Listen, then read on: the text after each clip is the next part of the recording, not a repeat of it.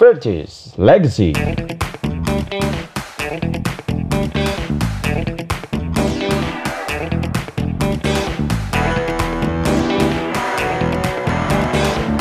Halo semuanya, selamat datang kembali di Vergis Legacy. Kembali lagi bersama Halo, halo. kita-kita nih. Wih. Kalau di episode yang terakhir kita lemas ya, harusnya di episode ini makin lemas sih. Melihat Tapi kita lebih semangat. harus Lebih semangat sekarang. semangat, ya. Meskipun eh, perkembangan tim kesayangan kita tidak semakin membaik ya. Gimana bang? Maju Gimana satu bang? langkah, mundur dua langkah. Iya.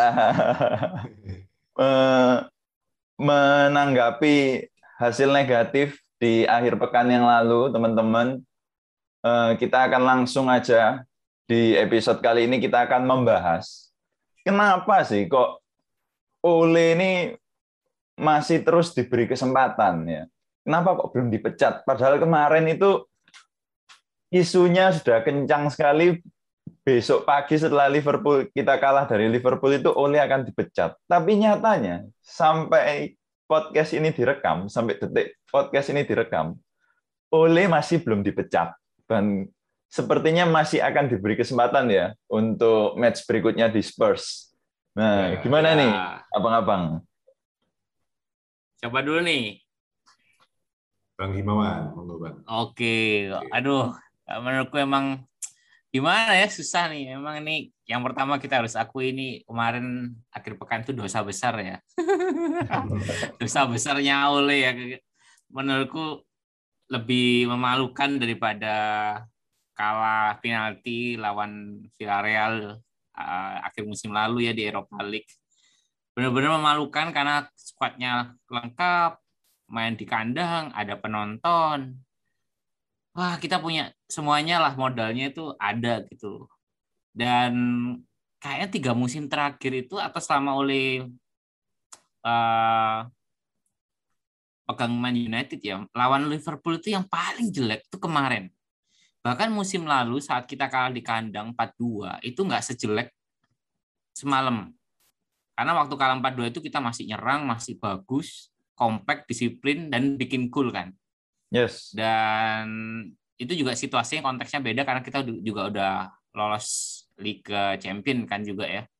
Hampir lolos lah tinggal berapa poin gitu. Jadi terus moodnya lain gitu. Sedangkan ini awal musim, pertandingan penentuan, mainnya sama kayak lawan Leicester, lawan Atlanta. Aduh, bener-bener kok bisa ya pertanyaan kok bisa itu ini aku bener-bener kok bisa gitu padahal musim-musim terakhir itu kita main bagus. Lawan Liverpool tuh nggak nggak pernah main jelek. Jarang sekali main jelek. Selalu bagus beri perlawanan dan ya bisa lah ngimbangin meskipun nggak sepenuhnya ini ya. Setara gitu memang kita agak di bawah tapi tetap bisa gitu nah kemarin Yes. kok bener-bener jelek banget ya. Sumpah itu bener-bener kayak Watford. Bahkan Watford Watford menang menang menang gol banyak ya kemarin. Wah tapi ini Liverpool eh, MU bener-bener mungkin nggak kayak Watford ya kayak Norwich lah.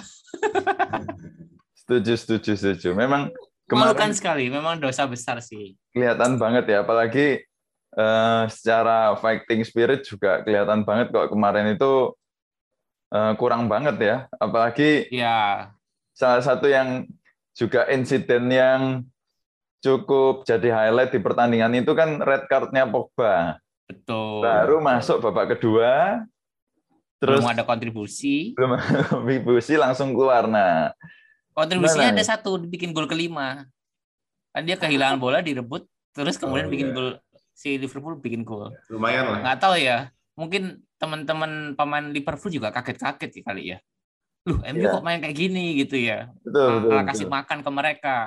Padahal ada satu analisis yang bilang mainin Jota itu malah mereka siap-siap Liver apa MU main compact, main bertahan, main low block ya. Mereka udah siap-siapin itu. Lah kok malah dikasih makan sajian yang menyenangkan. Iya, iya. Gitu. Gimana Bang Afin melihat insiden masuknya Pogba ini? Banyak juga yang mengkait-kaitkan juga mirip kayak insidennya Gerrard beberapa tahun Gerrard. lalu yang baru masuk langsung red card nih. Gimana gimana? Iya. Ya itu ya. Kalau aku lihat sih udah dari sebenarnya udah dari babak pertama, pertengahan terutama pertengahan babak pertama itu ketika udah tinggalan dua gol itu udah mentalnya udah drop, udah kelihatan banget itu para pemainnya. Dan kayak udah nggak apa, nggak nggak ya distrust sih kalau aku melihat ya. Jadi kan memang banyak banyak kesalahan juga selain dari pressing dari pemain depan, kayak Ronaldo juga telat eh, tengahnya Fred juga kepancing ke depan, telat balik kayak gitu gitu. Individual error tuh banyak banget dan ya aku nggak nggak tahu lagi ya mesti ngomong apa ya itu dia kayak kayak distrust gitu loh jadi antar pemain ini lo tunggu-tungguan gitu loh ini siapa yang Ya. main marking siapa yang zonal marking udah nggak jelas dan itu ya akibatnya berimbas ke belakang ya Pogba masuk pun juga ya apa ya ya sialnya dia apesnya dia juga sih Iya, iya, iya, iya. Terus yang Nah, menarik kenapa nih apa, Bang? Oleh ini belum dipecat-pecat nih? aku sempat lihat eh, apa komentarnya Rossi Rossi Pinsa ya ini kan dia kan apa ya Rossi Pinsa ini kan pengamat juga ya juga fans MU juga sih setauku dia itu bilang eh, nah implementasi di lapangan itu yang yang yang nggak ada gitu. Dan itu sebetulnya peran yang besar itu ada di asisten manajernya jadi nggak cuma oleh menurutku. Dan eh, yang menerjemahkan konsep eh, sistem dan lain-lain itu justru di asisten manajer. Gitu. Hmm. Nah, menurutku jadi ini problemnya ya nggak cuma oleh ya, karena kita sering kali melihatnya ya sosok memang pelatih bertanggung jawab ya, bertanggung jawabnya besar gitu ya.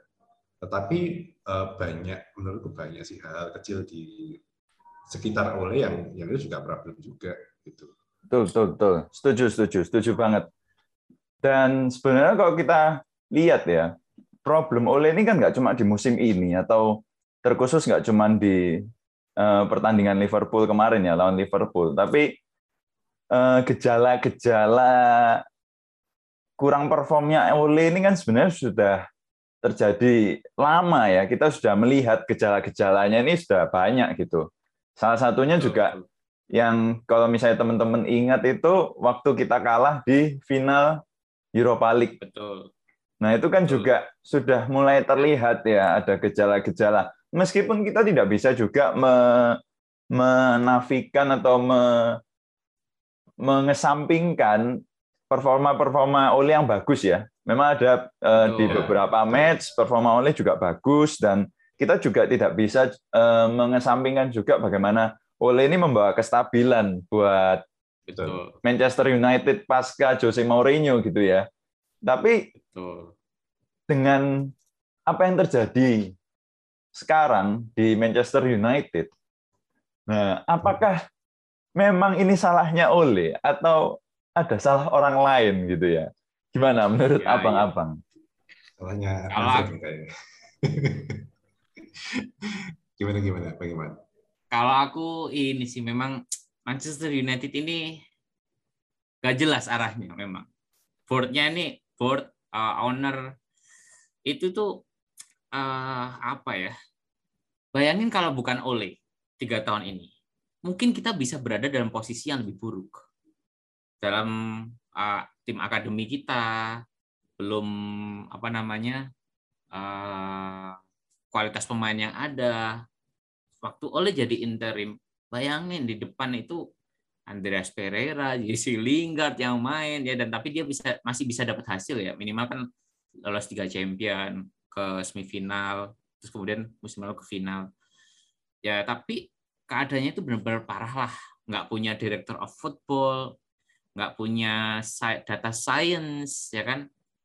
Terus transfer-transfer juga kacau lah banyak. Cuman transfer-transfer yang isinya buat nyenengin fans aja gitu kan.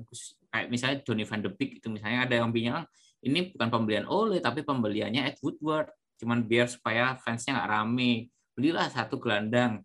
Padahal profilnya dia nggak cocok dengan squad yang diinginkan yang mau dibangun Ole gitu kan.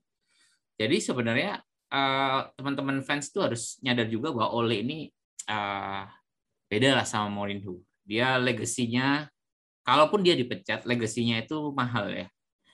Masih ingat nggak waktu Mourinho menjabat itu tim B kita itu turun loh apa ke degradasi, degradasi ya? Tim Man United B itu turun dan benar-benar siapa tim akademi yang naik ke atas? Hampir nggak ada ya. Rashford aja mainnya gitu terus nggak terlalu banyak orang bilang nggak terlalu banyak berkembang dan lain sebagainya. Tapi dengan Ole ada Mason Greenwood ya terus uh, sistem peminjaman kita juga jadi lumayan bagus gitu. Kayak misalnya baru-baru ini kita lihat Ethan Lair terus apa namanya itu yang gelandang James Garner, Dylan Levitt ya. Itu sama siapa lagi ya back yang lumayan Teden Mengi ya. Jadi uh, di di tangan Ole itu bukan hanya tim yang dibangun, tapi klub Manchester United itu ditangani dengan komplit lah. Ya, ya. Semua dari akademi, eh, pemain-pemain muda integrasi dengan tim senior. Kayak musim ini aja kayak si bek kiri yang dari Real Madrid tim muda siapa namanya Alvaro Fernandes ya kalau nggak salah hmm, hmm. udah main terus hmm. udah latihan terus sama tim utama waktu Mourinho pernah pernah kayak gitu ya kan jadi Ole ini mahal sebenarnya. Sayangnya performa di lapangan itu hasilnya itu ya apalagi di tengah musim ini ya performanya makin opsi yang diambil dengan mainkan Ronaldo nggak apa namanya nggak punya gelandang tengah yang komplit itu malah ngerugiin dia. Menurutku sih gitu. Jadi kalau di kalau mau nyalahin kita itu nggak bisa nyalain Ole aja. Nyalainnya ya secara struktur Man United ini memang bukan klub yang strukturnya bagus gitu. Bandingin aja sama eh, paling jelek bandingin sama Leicester deh. Leicester kan ya terbatas, bukan tim besar, tapi ownernya itu passion ya, ownernya datang kalau latihan. Waktu mereka dapat ya? waktu dapat dapat piala aja teman-teman pemain Leicester itu ngasih pialanya ke anaknya ownernya kan yang mewarisi itu kan siapa namanya itu owner kan meninggal duluan tuh ya tiga tahun lalu kecelakaan. Wah bener-bener itu luar biasa sekali dengan kekuatan uang mereka yang sehanya segitu tapi mereka bisa bangun squad mainnya sekarang bagus konsisten dan semuanya komplit lah. Itu Leicester. Chelsea ada Marina ya dengan transfer-transfernya yang mengagumkan ya. Bisa beli Lukaku dengan modal jualan pemain-pemain akademi ya kan? Itu juga itu ah, brilian sekali. Terus uh, paling ban, paling juga City ya. City itu kalau nggak ada Tixi Kristan Guardiola juga kesulitan. Ruben Dias kan pembeliannya pembeliannya direktur of footballnya mereka ya. Bahkan yes. uh, si siapa namanya Guardiola aja ngakuin tuh itu bukan pembelian saya. Tuh. nah ini luar biasa nih. Bagaimana board mendukung board dan sistem di klub itu mendukung si manajer bahkan ya paling paling kelihatan Liverpool lah yang kemarin menghancurkan kita. Itu klub itu kan benar-benar didukung ya luar biasa. Dua musim awal tapi dia kelihatan visinya jelas dan lain sebagainya itu benar-benar didukung sampai meskipun musim lalu nggak tampil bagus tapi masih tetap didukung. Dan ya itu luar biasa menurutku dan itulah hasilnya klub yang niat. Nah, masalahnya owner kita ini niat apa enggak buat bikin MU besar lagi seperti dulu gitu kan. Kok kayaknya nggak niat gitu ya. Tapi kalau dibilang nggak niat, nah di beberapa pos itu jalan loh kita. Kayak tadi yang di apa kita sebutkan juga kan, uh, kayak misalnya mulai pembelian uh, data analis kayak gitu-gitu kan. Terus kemudian juga uh, membangun youth-nya juga gitu kan ya. U23, U19 itu mulai kelihatan gitu. Strukturnya itu mulai kelihatan gitu loh. Nah, waktu oleh menjabat Bang Alfi. Waktu oleh menjabat betul, betul, ha, betul, betul, betul. kan. Nah, jadi apakah memang oleh ini adalah lebih tepat sebagai pelatih atau justru dia lebih tepat di pos yang lain? Nah, nah, menarik, menarik, menarik, menarik. Itu menarik juga nih pendapat Bang Alvin nih. Menarik, bisa jadi ya, bisa jadi. Iya, iya, iya, iya. Atau kalau sekarang Oli masih diberi kepercayaan, ya menurutku dia harus memperbaiki struktur coaching staff-nya. Gitu. Kekurangan-kekurangannya dalam transisi bertahan, eh, kekurangan struktur itu harus diperbaiki sehingga kalaupun dia nggak ngurusin taktikalnya sampai detail, ya dia harus bisa punya orang yang jadi asisten untuk ngerjain itu. Yes. Itu. Dan di klub-klub lain juga sama kok. Nggak usah klub lain, asisten. even Sir Alex pun juga begitu ya. Betul. Ya, Bahkan Even Sir Alex pun begitu. eh, Liverpool, Jurgen Klopp itu punya satu asisten, aku lupa namanya siapa. Ah, yang dia ngerjain taktikal-taktikalnya Liverpool. Nah, gitu bahkan ya. ada pel- pelatih pelatih apa? Lemparan ke dalam ya mereka juga punya Yes. kan. Gitu. Jadi oleh kalau mau masih diberi kesempatan dia tetap harus kasih perubahan dan perubahan itu bukan hanya cuma omongan doang kita harus bikin semangat dan gitu ngerti Hmm. Man United DNA nggak bisa harus dia harus berubah kalau enggak ya susah dosa besar Harus. tidak bisa diampuni kecuali juara harus mulai rasional lah ya oleh maksudnya. Betul. dia juga harus mulai melihat bahwa ya, dia ini sedang dalam masalah gitu. Apa yang dia kerjakan sekarang ini sudah mulai nggak works gitu. Selama ini apa yang dia kerjakan selama ini udah mulai nggak mulai nggak works gitu untuk kondisi sekarang. Dia harus mulai apalagi musim ini ya. Musim ini Mm-mm, aduh, harus mulai merubah apa yang dia percaya mungkin apa value-value yang dia percaya mungkin harus ada yang sedikit bergeser ya. Kalau memang oleh seperti yang dia sampaikan di press conference terakhir eh, dia kan bilang dia udah deket sama apa yang dia kejar gitu kan. Sekarang ini dia udah deket sama apa yang dia kejar gitu. Nah jadi eh, abang-abang kalau misalnya ya Ole ini memang tidak dipecat. Selain memperbaiki coaching staff apalagi menurut abang-abang yang harus dilakukan Ole ini untuk menstabilkan lagi nih Manchester United yang sekarang lagi nggak jelas. Nah, dari Bang Alvin dulu mungkin. Kalau menurutku nggak ada.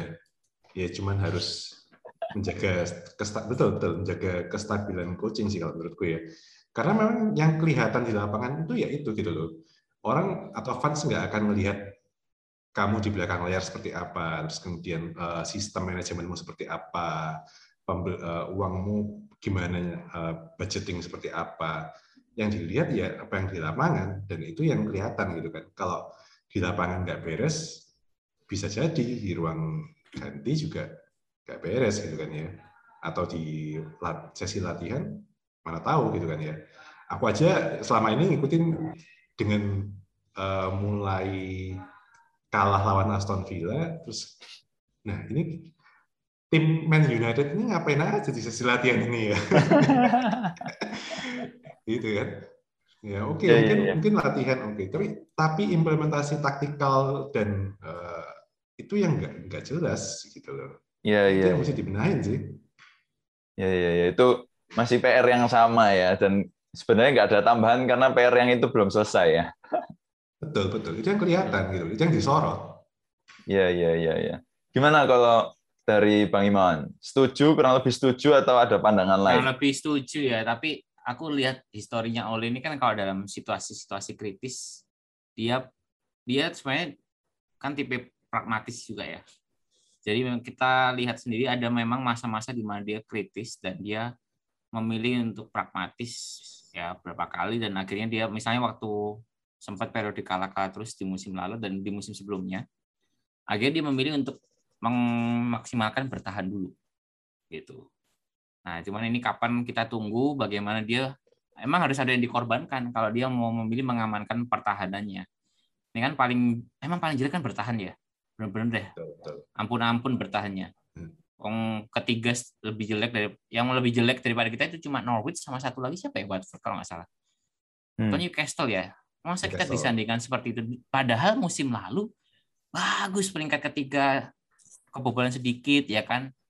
Terus bagus lah, apalagi ketambahan Rafael Varane. Nah, Bener-bener deh, kok bisa gitu. Nah menurutku ya oleh harus pilih tindakan pragmatis. Aku masih ingat dia bagaimana dia mengubah ketiga back ya, memilih pragmatis waktu lawan City. Kemudian di musim kemarin akhirnya perlahan-perlahan dia berani main 4 back lawan City dan lawan tim-tim besar. Lawan Liverpool dulu dia selalu main 3 back. Nah, sekarang lebih percaya diri. Aku rasa dia akan balik ke si mode defensif ya. Ya, dengan ya, mungkin ya. mainin tiga gelandang bertahan langsung Matic Matic, Scott dan Fred akhirnya mengorbankan salah satu di antara empat pemain depan ya bisa saja Greenwood, Sancho, Rashford ya Ronaldo mungkin. Kalau berani ya kalau dia berani Hmm. sih ya membenchkan Ronaldo menurutku salah satu opsi ya penting. Karena sebenarnya MU ini nggak kekurangan untuk bikin gol. Betul. Kemarin aja itu kalau menit ketiga Bruno Fernandes tendangannya masuk ke gawang, menurutku lain tuh pertandingan kemarin. Yes. Itu bakal Betul. jadi seru dan sampai Liverpool ngegolin gol kedua pun Man United tetap bikin peluang.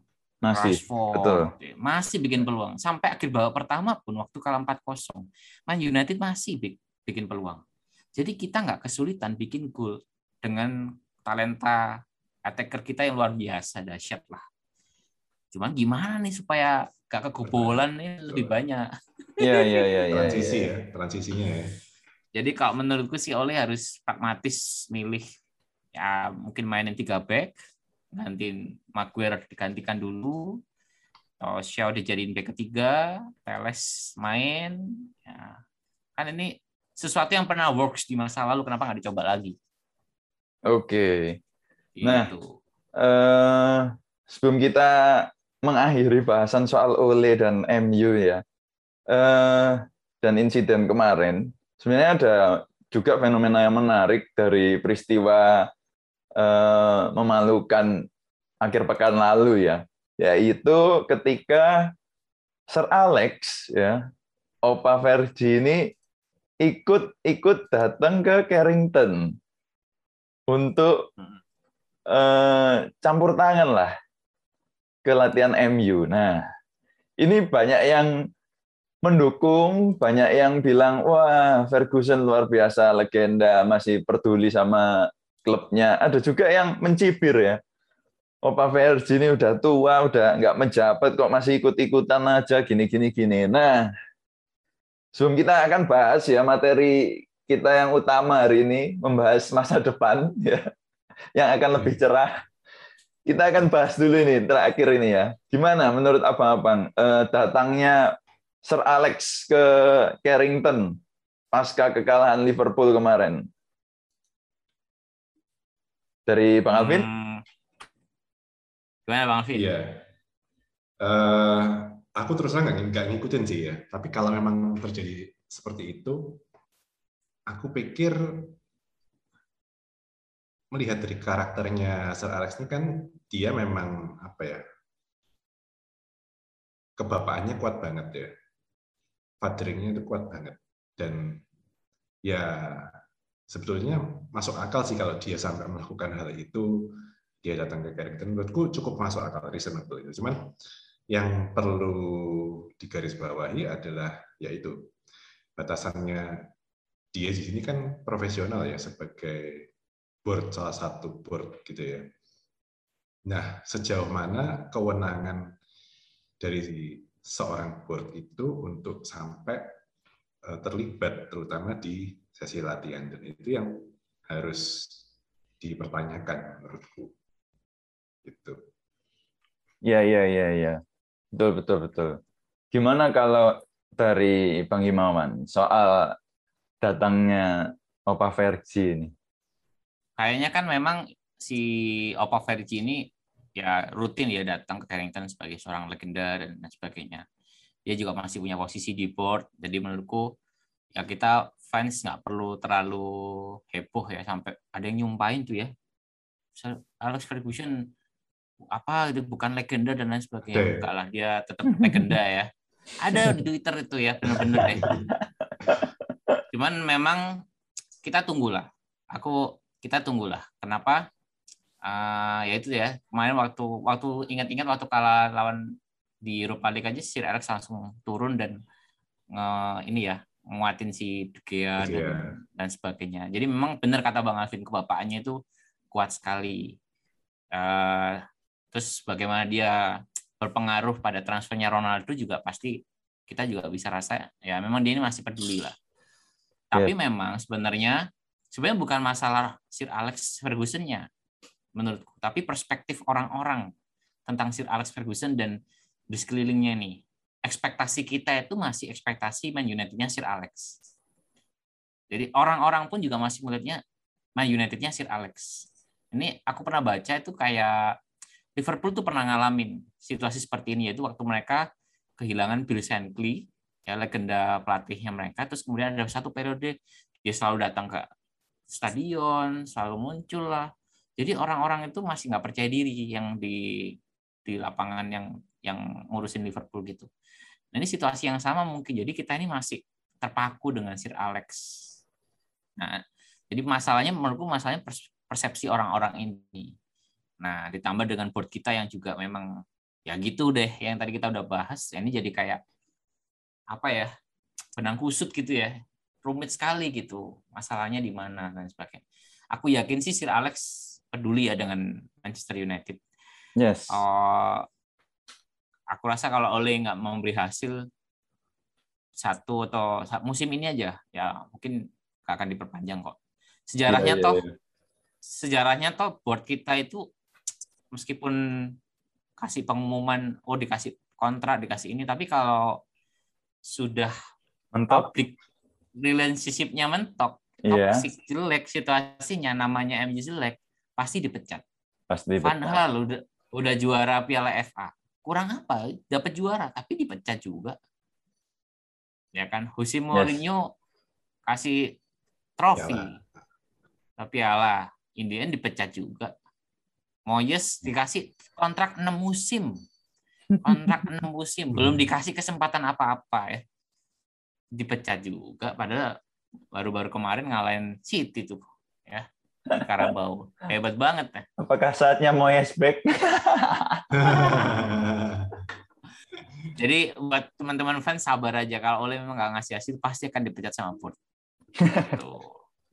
Tapi memang kalau Sir Alex ya kita inilah menanti juga ya Sir Alex ini. Sebenarnya saya aku secara pribadi juga kesal juga ya sama Sir Alex ini. Ngapain uh, yeah. beli Ronaldo? Betul betul. Uh, selain Karena itu project, sebenarnya project OLED itu udah bagus sebenarnya. Project OLED itu udah bagus banget. Ya. Yeah. Greenwood, Sancho, Rashford itu udah dream lah. Itu udah bagus tuh. Selain itu memang kalau aku sih melihatnya involvement Sir Alex ini memang kalau di takaran yang cukup itu bisa jadi apa ya motivation boost gitu ya buat pemain, Betul. buat pelatih, buat fans di takaran Betul. yang cukup. Tapi kalau dia nggak bisa kontrol eh, eh, posisi dan involvementnya ini dia nggak bisa kontrol gitu ya, menggunakannya dengan eh, pas gitu, takaran yang pas, ini juga akan berimbas negatif juga ke coaching staff, ke Ole terutama. Betul. Pastinya sih menurutku ketika Ole mimpin latihan terus tiba-tiba Sir Alex datang secara wibawa pasti Ole akan berkurang pasti Baik, menurutku. ya. apalagi kemarin dalam kondisi Ole benar-benar eh, secara kepercayaan tim ke Ole itu pasti kan rendah sekali ya. Confidence-nya pemain ke pelatih kan pasti rendah sekali terus. Belum sempat memperbaiki itu terus tiba-tiba ada kayak papanya Ole datang gitu marah-marah. Kamu nggak boleh gini gini gini. Nah itu kan juga Ole jadi kelihatan kecil sekali ya di mata pemain. Kok yang tak bayangkan sih gitu ya. Ole pada akhirnya nggak bisa menyelesaikan itu sendiri. Dia perlu butuh perlu bantuan dari Sir Alex untuk dapetin hatinya pemain lagi. Nah itu juga sesuatu kalau, yang nggak mungkin terjadi kalau Ole Louis van Hal atau Jose Mourinho kan?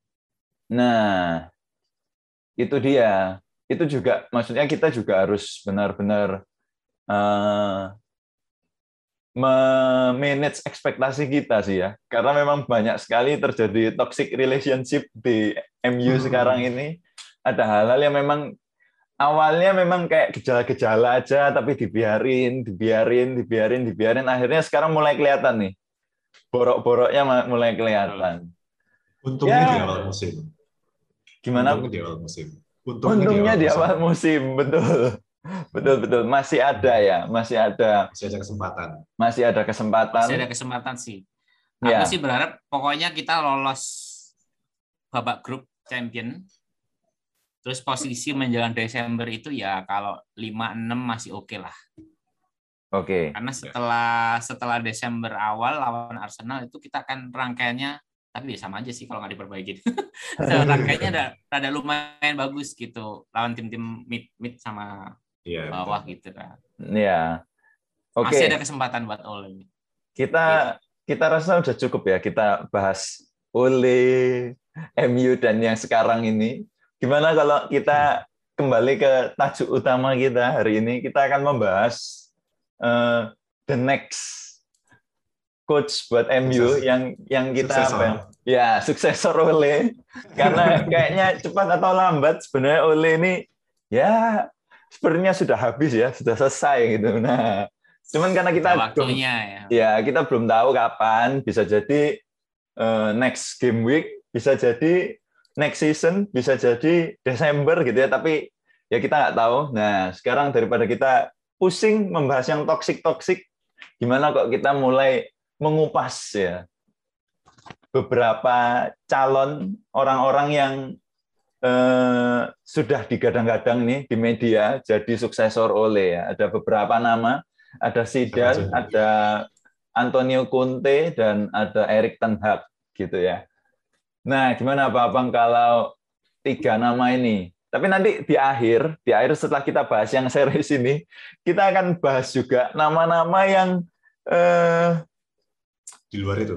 di luar itu dan memang bisa ada kemungkinan kecil bisa jadi pelatih Manchester United. Tapi itu nanti ya teman-teman. Kita akan bahas dulu yang serius nih, yang memang benar-benar secara logika kuat. harusnya mereka bertiga ini.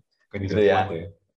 Oke, kita bahas ke yang pertama nih, ke Zidane dulu yang sudah terang-terangan bilang nggak tertarik tertarik. MU. Nah, gimana Bang? Siapa dulu nih? Monggo Bang Iwan, gantian. Zidane ya, Zidane udah katanya udah jelas dia nggak nggak minat ya sama MU. Menarik juga ya, kok bisa ya dia tolak MU? Padahal dengan kualitas tim yang oke banget, mungkin aja dia ya nggak tahu juga ya kenapa ya kok bisa ya? Apa karena MU ini memang sudah nggak jelas? ya, karena sebenarnya kalau dia mau ya cukup menurutku cukup oke ya dia attackernya bag- eh, cukup menyerang permainannya di musim waktu dia balik kedua di Madrid itu seingatku aku cukup ngikutin eh, secara defensif. Padahal waktu itu kan kehilangan Ronaldo ya. Secara defensif dia lumayan bagus ya. Meskipun hasilnya nggak terlalu seperti yang pas eh, pertama kali dia dia di Real Madrid. Waktu pertama kali luar biasa dia bisa eh, rotasi Ronaldo. Waktu itu dia bisa rotasi Ronaldo dan Ronaldo hanya main di di games ya di karena dia waktu cedera lutut ya Ronaldo itu. Terus malah hasilnya bagus ya luar biasa tuh Liga Champion tiga kali ya dan menurutku tapi waktu tapi waktu Zidane di Madrid ya dia punya gelandang yang bagus ya Kroos, Casemiro dan satunya lagi Modric ya yang Modric. komplit lah satu dengan yang lain. Sedangkan kita ini kan Memangnya gelandang kita nggak kalah bagus sama Kroos sama Casemiro. Wah ini ada Fred Kita sih kan memang yang Punya Fred. iya Lord Fred. Fred aja tapi masalahnya itu ya lini tengah kita ini kan nggak komplement satu dengan yang lain ya nggak saling melengkapi di- satu dengan yang lain gitu loh. Jadi yang paling komplement ya cuman Fred sama Scott McTominay yang lainnya kan tuh nggak pas gitu nggak enak aja gitu. Jadi memang agak sulit gitu. Kalau Zidane ya tapi banyak orang bilang Zidane juga belum kebukti karena cuma pernah di Real Madrid. Tapi menurutku menang juara di Real Madrid itu sudah membuktikan sesuatu Yes. gitu. Dan Champion back to back daripada juga membuktikan sesuatu back to sebenarnya. back, Betul. back to back itu itu bukan sesuatu yang mudah di saat hari pada pada zaman itu Diego Simeone Simeone lagi bagus-bagusnya loh Yes. Sama Atletico Madrid ya.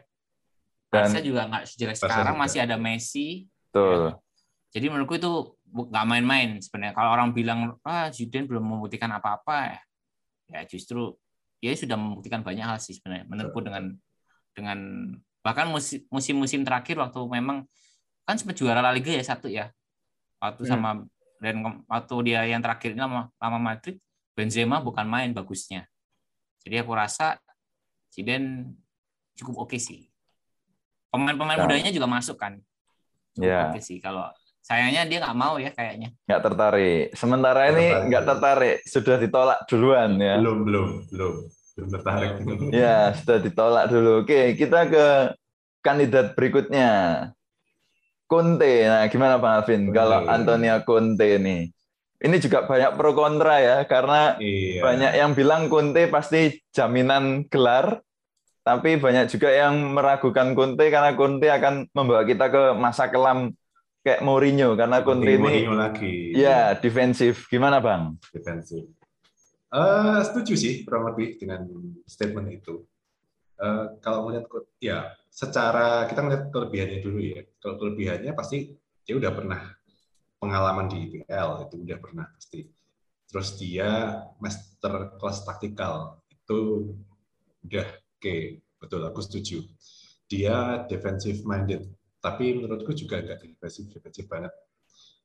Smart sih aku melihatnya lebih ke smart ya. Dari secara taktikal itu dia eh, betul mengutamakan pertahanan, tapi dia juga nggak lupa untuk transisinya juga.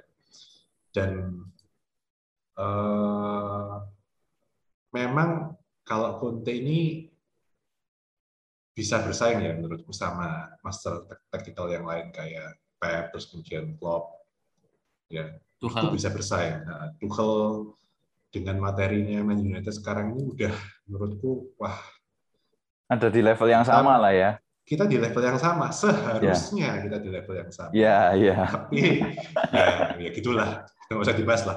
Iya, iya, gak usah dibahas, gak usah dibahas. Sudah cukup. Itu di segmen tinggal- pertama aja. Tinggal aku dengar kabar ini eh, gajinya juga juga cukup mahal ya permintaan gajinya Conte ini gitu. Dan mungkin board juga mempertimbangkan hal ini juga selain mengasih kesempatan ke Ole gitu ya. Ya, menurutku dia kandidat yang cukup baik sih sebetulnya. Kalau mau instan, kalau mau instan, Yes. kalau mau struktur dari struktur secara utuh, eh, tetap boleh harus dipertahankan, tapi di posisi yang lain, bukan sebagai pelatih. Betul. Ya memang sih kalau eh, Ole ini dipecatnya game week berikutnya, ya memang satu-satunya opsi yang masuk akal yang menjanjikan ya cuma Antonio Conte ya yang tersedia untuk Ya. saat ini ya. Memang lain lagi ceritanya kalau misalnya ternyata Ole ini dipecatnya baru eh, musim depan gitu atau akhir Betul, musim betul. ini. Itu baru. Betul. Nah, baru itu muncul nama yang akan kita bahas berikutnya ini. Erik Ten Hag gitu ya. Erik Ten Hag yang betul, betul. kalau saat ini udah pasti unavailable karena sama juga kayak Zidane dia juga nggak tertarik kalau eh, melatih di tengah-tengah musim gitu ya. Meng-take over klub di tengah-tengah musim dia juga nggak tertarik. Nah, Ten Hag ini baru available di akhir musim. Seandainya, seandainya eh, Ten Hag ini juga available, gimana menurut abang-abang secara profil dia sebagai pelatih, apakah dia cocok untuk melatih MU? Dari Bang nih? Aku Erik Ten Hag. Menurutku dari tiga kandidat aku paling suka Erik Ten Hag sih. Yang pertama dia muda, ide, punya ide, punya filosofis, punya eh, dan dia sebenarnya kalau dibilang oh belum membuktikan sesuatu, menurutku dia sudah membuktikan sesuatu. Eh, dua musim lalu atau dua atau tiga musim lalu ya, dia sampai ke semifinal ya Champions League dengan skuad yang sangat muda, Frankie De Jong, Donny van de Beek. Tapi kemudian itu kan diambil semua ya pemain-pemain itu. Nggak butuh banyak waktu, dia dapat pemain-pemain muda lagi dan dia maksimalkan itu dan sekarang mainnya bagus di Liga Champions dia menang-menang gede. Dortmund dibantai sama Ajax ya. Halan nggak bisa ngapa-ngapain kayaknya dan itu luar biasa. Menurutku itu udah ngebuktiin sesuatu. Jadi dia sepak bola menyerang dan kemarin dia baca-baca 4-2-3-1-nya itu cocok ya dengan menurutku lumayan cukup cocok sih dengan profilnya Man United pemainnya sekarang. Cuman memang kayaknya dia nggak mungkin available kalau di tengah musim kecuali MU mau bayar sedemikian banyak uang supaya Ajax mau. Tapi ya pribadinya sendiri mungkin dia juga nggak mau ya. Erik Yes. Bisa jadi dia juga ngincer Barcelona. Tapi daripada Barcelona mending MU karena MU pemainnya masih lebih jelas daripada Barcelona. Masih lebih inilah lebih oke lah ya Ya, ya. Iyalah. menurutku. MU punya Jadi Fred. kalau Barcelona nggak punya Fred ya. MU yang punya Fred. Kita punya back termahal. Oh Jadi, iya, kita punya back apa termahal. namanya? Kalau jangka pendek, jangka pendek itu memang Conte sih. Nah, kalau lihat eh, Chelsea kan musim lalu itu ambil Tuchel dikasih cuma 18 bulan. Jadi kontraknya itu pendek banget. Baru setelah dia ngebuktiin sesuatu, dia dikasih kontrak tiga tambahan tiga tahun kan. Hmm. Nah, kalau aku sih dreamnya sih ya Conte diambil, diamankan musim ini dan musim depan gitu ya. Kasih aja 18 bulan. Ya gitu. Terus Tapi kita memang harus eh, tahu juga Dan- ya kalau misalnya dengan merekrut Conte itu pasti nggak akan bisa jangka panjang Betul. karena secara jadi kita historis Betul. memang Conte ini kayak kutu loncat ya. dua tahun, dua tahun betul. Iya. Makanya ya ambil jangka pendek aja. Untuk Hmm. apa? Untuk menstabilkan ya sekali lagi untuk menstabilkan tim, dapat trofi, kasih mental juara lah ke ke tim. Mental lagi pula warrior, mental warrior. Betul. Lagi pula kan kita sekarang juga udah lumayan ada John Murtrup, lumayan ada direktur footballnya, jadi masih bisa. Dan aku rasa Conte ini juga bukan yang saklek sama nggak nggak kayak Mourinho. Ya, Dia betul. dia pernah betul dia nggak kayak Mourinho. Satu hal yang membedakan Conte dan Mourinho Betul. itu Mourinho pragmatis. Betul. Dan dia Kalau memaksakan Conte idenya nggak, dia. ya. Conte itu masih Conte punya pragmatis. Conte itu pragmatis menurutku, tapi dia eh, apa ya memainkan dari apa yang ada gitu. Waktu di Chelsea awal-awal kan dia main 4-3-3. Meskipun Mainin akhirnya 4-3-3. balik ke formasi back 3 juga sih. Kalau bahas soal Chelsea ya. Betul. Tapi waktu Juventus dia main 4-3-3 loh. Awalnya. 3-4-3, 3-5-2 itu baru di ya baru terkenal kan banget di Chelsea sama Inter kan sebenarnya. Ya, ya, ya, Gitu. ya, ya. Ya, Tapi menurutku ya terlepas- Conte Conte oke lah. Ya fine lah untuk jangka pendek itu oke lah dia. ya, Dan apalagi Pogba pernah dibawa Conte, terus ah, pemain-pemain gede siapa sih yang nggak mau dilatih sama Conte? Aku rasa untuk mer, mer- ini, tapi untuk jangka panjang ya Erik Ten Hag ini orang bilang the next Klopp gitu kan. Dengan yang menarik lagi dari Erik Ten Hag itu dia ini anu eh, dulu sempat kerja bareng Guardiola tiga musim. Guardiola, Betul. betul. betul. Tiga musim. Jadi waktu Munchen, kan? Guardiola di Bayern eh, betul, Ten Hag ini pegang tim keduanya gitu, head coach dari tim keduanya Bayern Betul. gitu. Jadi betul. secara filosofi, secara Ya. eh, cara berpikir itu banyak yang bilang sangat mirip dengan Pep gitu. Gaya-gaya itu sangat mirip dengan Pep gitu. Itu juga menarik sih, Nah, itu kan menarik. bolak-balik bolak-balik nyesel ya karena kok kenapa sih nggak ambil Klopp kenapa sih nggak ambil Pep ini jangan sampai kita nyesel kalau nanti Ten Hag diambil Barcelona atau diambil tim lain gitu Nah, gimana Bang Abil kayak mau menyampaikan sesuatu nih? Gimana Bang? Iya. Setuju sih sepakat sama Bang Imawan ya. Jadi memang kalau dari tiga kandidat memang aku lebih prefer Ten Hag gitu ya. Dia eh, kelebihannya menurutku ada di detailnya. Jadi untuk taktik itu dia lebih detail gitu ya. Kita bisa lihat lah hasilnya dari Ajax kayak gimana dengan dengan materi pemain yang ya apa ya dibanding sama MU masih lebih bagus MU kalau menurutku ya materi pemainnya Ajax gitu. Tapi dia bisa maksimalin itu gitu. Dan jangan lupa juga dia pernah dapat eh, Best FIFA Men's Coach tahun 2019 nomor 4 untuk pelatih muda seperti dia menurutku itu pencapaian yang apa pencapaian yang bagus gitu udah udah membuktikan sesuatu gitu Ya, ya, ya, ya, ya. Memang eh, pilihan terbaik sebenarnya Erik Ten Hag ya. Kita sepakat deh. Pilihan terbaik Erik Ten Hag. Cuman sayangnya ini memang dia nggak bisa. Kita harus sabar berarti membuang satu musim ini. Kok memang mau sama Erik Ten Hag ya.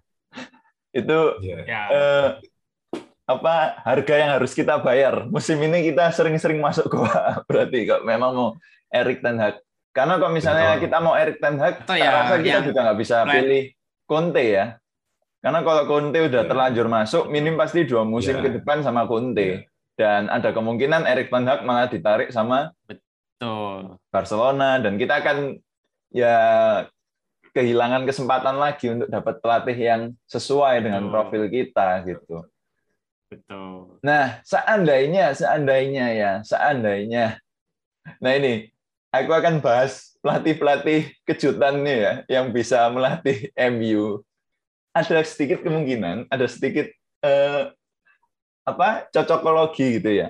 Ini seandainya kalau kita memang eh, sesuai impian kita, board memilih Erik Ten Hag dan dia tidak memilih Conte gitu ya.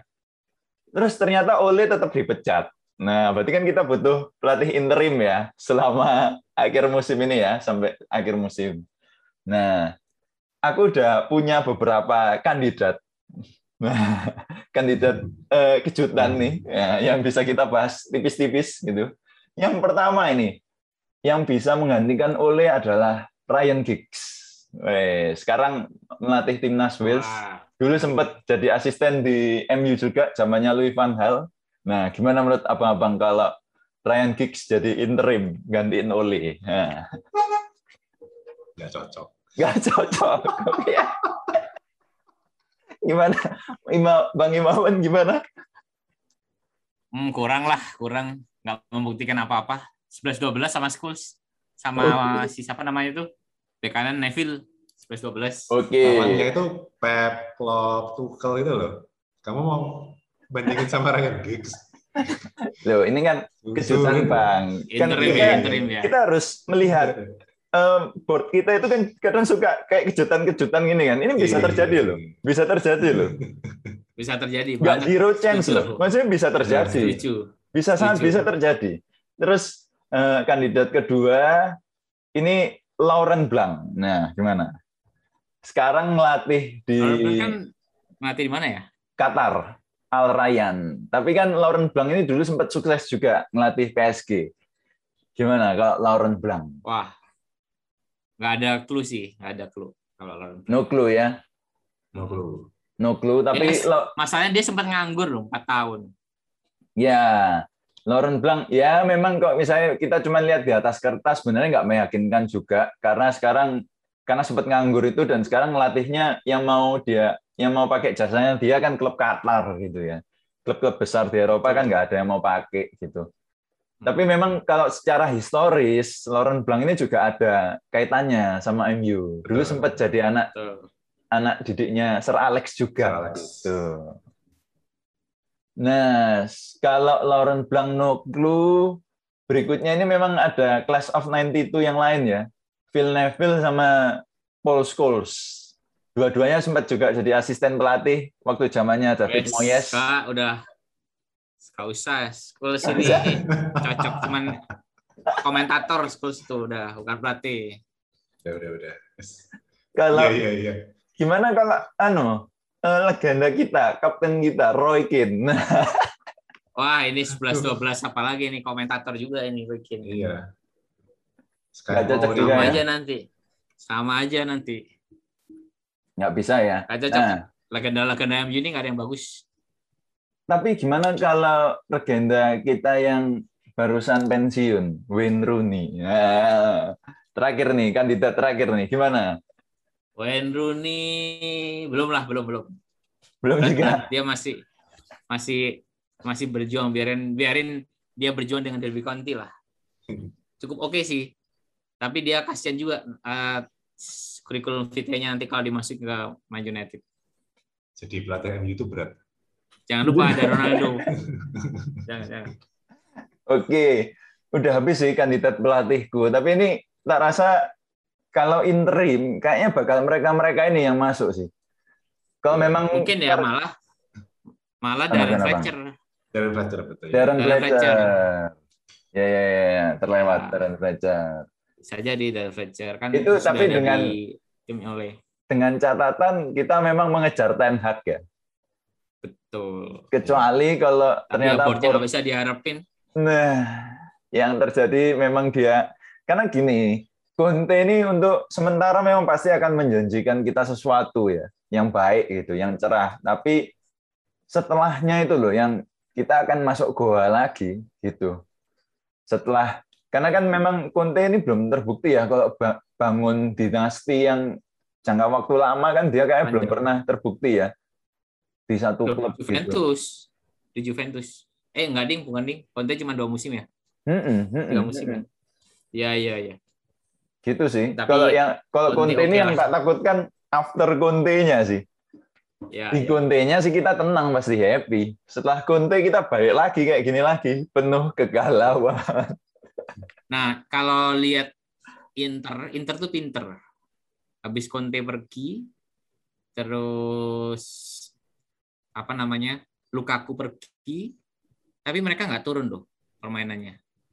Ambil Inzaghi kan, terus habis itu ambil Zeko gratis dan nggak turun permainannya, malah cukup stabil di musim ini.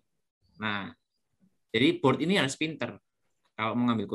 Ca- Nanti carinya pemain eh, untuk nerusinya yang cocok gitu. Ya, masalahnya board Iya. kita kan eh, secara historis tidak sepintar itu ya. Secara historis tidak sepin- sepintar itu. Memang kalau kita mau eh, memperbaiki klub kita ya solusi yang pertama itu harus ganti board dulu sih, ganti kepala dulu. Ganti pemilik kalau bisa. Kayak Newcastle gitu bisa. Jadi sebenarnya sebenarnya lebih penting neriakin Glazer out daripada Oli out. Setuju. Betul. Setuju. Menurutku ya, Oli out itu hanya akan mengobati kekecewaan kita satu dua musim ini. Ya, Oli out itu Ya. hanya akan mengobati sedikit kekecewaan kemarin, apalagi ada pertandingan kemarin ini. Tapi Glazer itu sudah melukai kita sekian musim ya. Itu. Kita nggak sadar Yes, tapi ya. ya. Kita nggak sadar. Betul. Jadi- Fans masih ngelihatnya Ole yang salah. Betul. Jadi Padahal- menurutku Glazer out itu lebih penting daripada Oli out. Apakah Kamu sebenarnya yang nggak yang ngantin ya sama aja gitu. apakah Glazer ini sama se menurutku hampir sama toksiknya kayak pemilik Newcastle yang lama ya Mike Ashley ya. Betul, betul. Cuman Sama cuman toksiknya. perbedaannya Glazers ini paham PR. Jadi Betul. secara PR dia bagus. Kok Mike Ashley ini kayak nggak paham PR jadi ya udah toksik toksik aja gitu. Kok Glazers ini toksik tapi nggak kelihatan gitu. Jadi fans itu Kelihatan. Saya ini ya Fansnya di mana? iya. Pep juga beda. Duitnya Dimanja. Man United masih cukup lumayan lah buat beli pemain-pemain yang lumayan mahal. Jadi ya fansnya kayak masih dikasih harapan terus gitu. Hmm, hmm, Padahal kapan sih board kita itu peduli? Yes, Apakah yes, yes. pembelian Jadon Sancho menunjukkan mereka peduli? Nggak juga, Nggak juga. nggak juga. Apakah pulangnya Ronaldo menunjukkan kepedulian mereka? Nggak juga.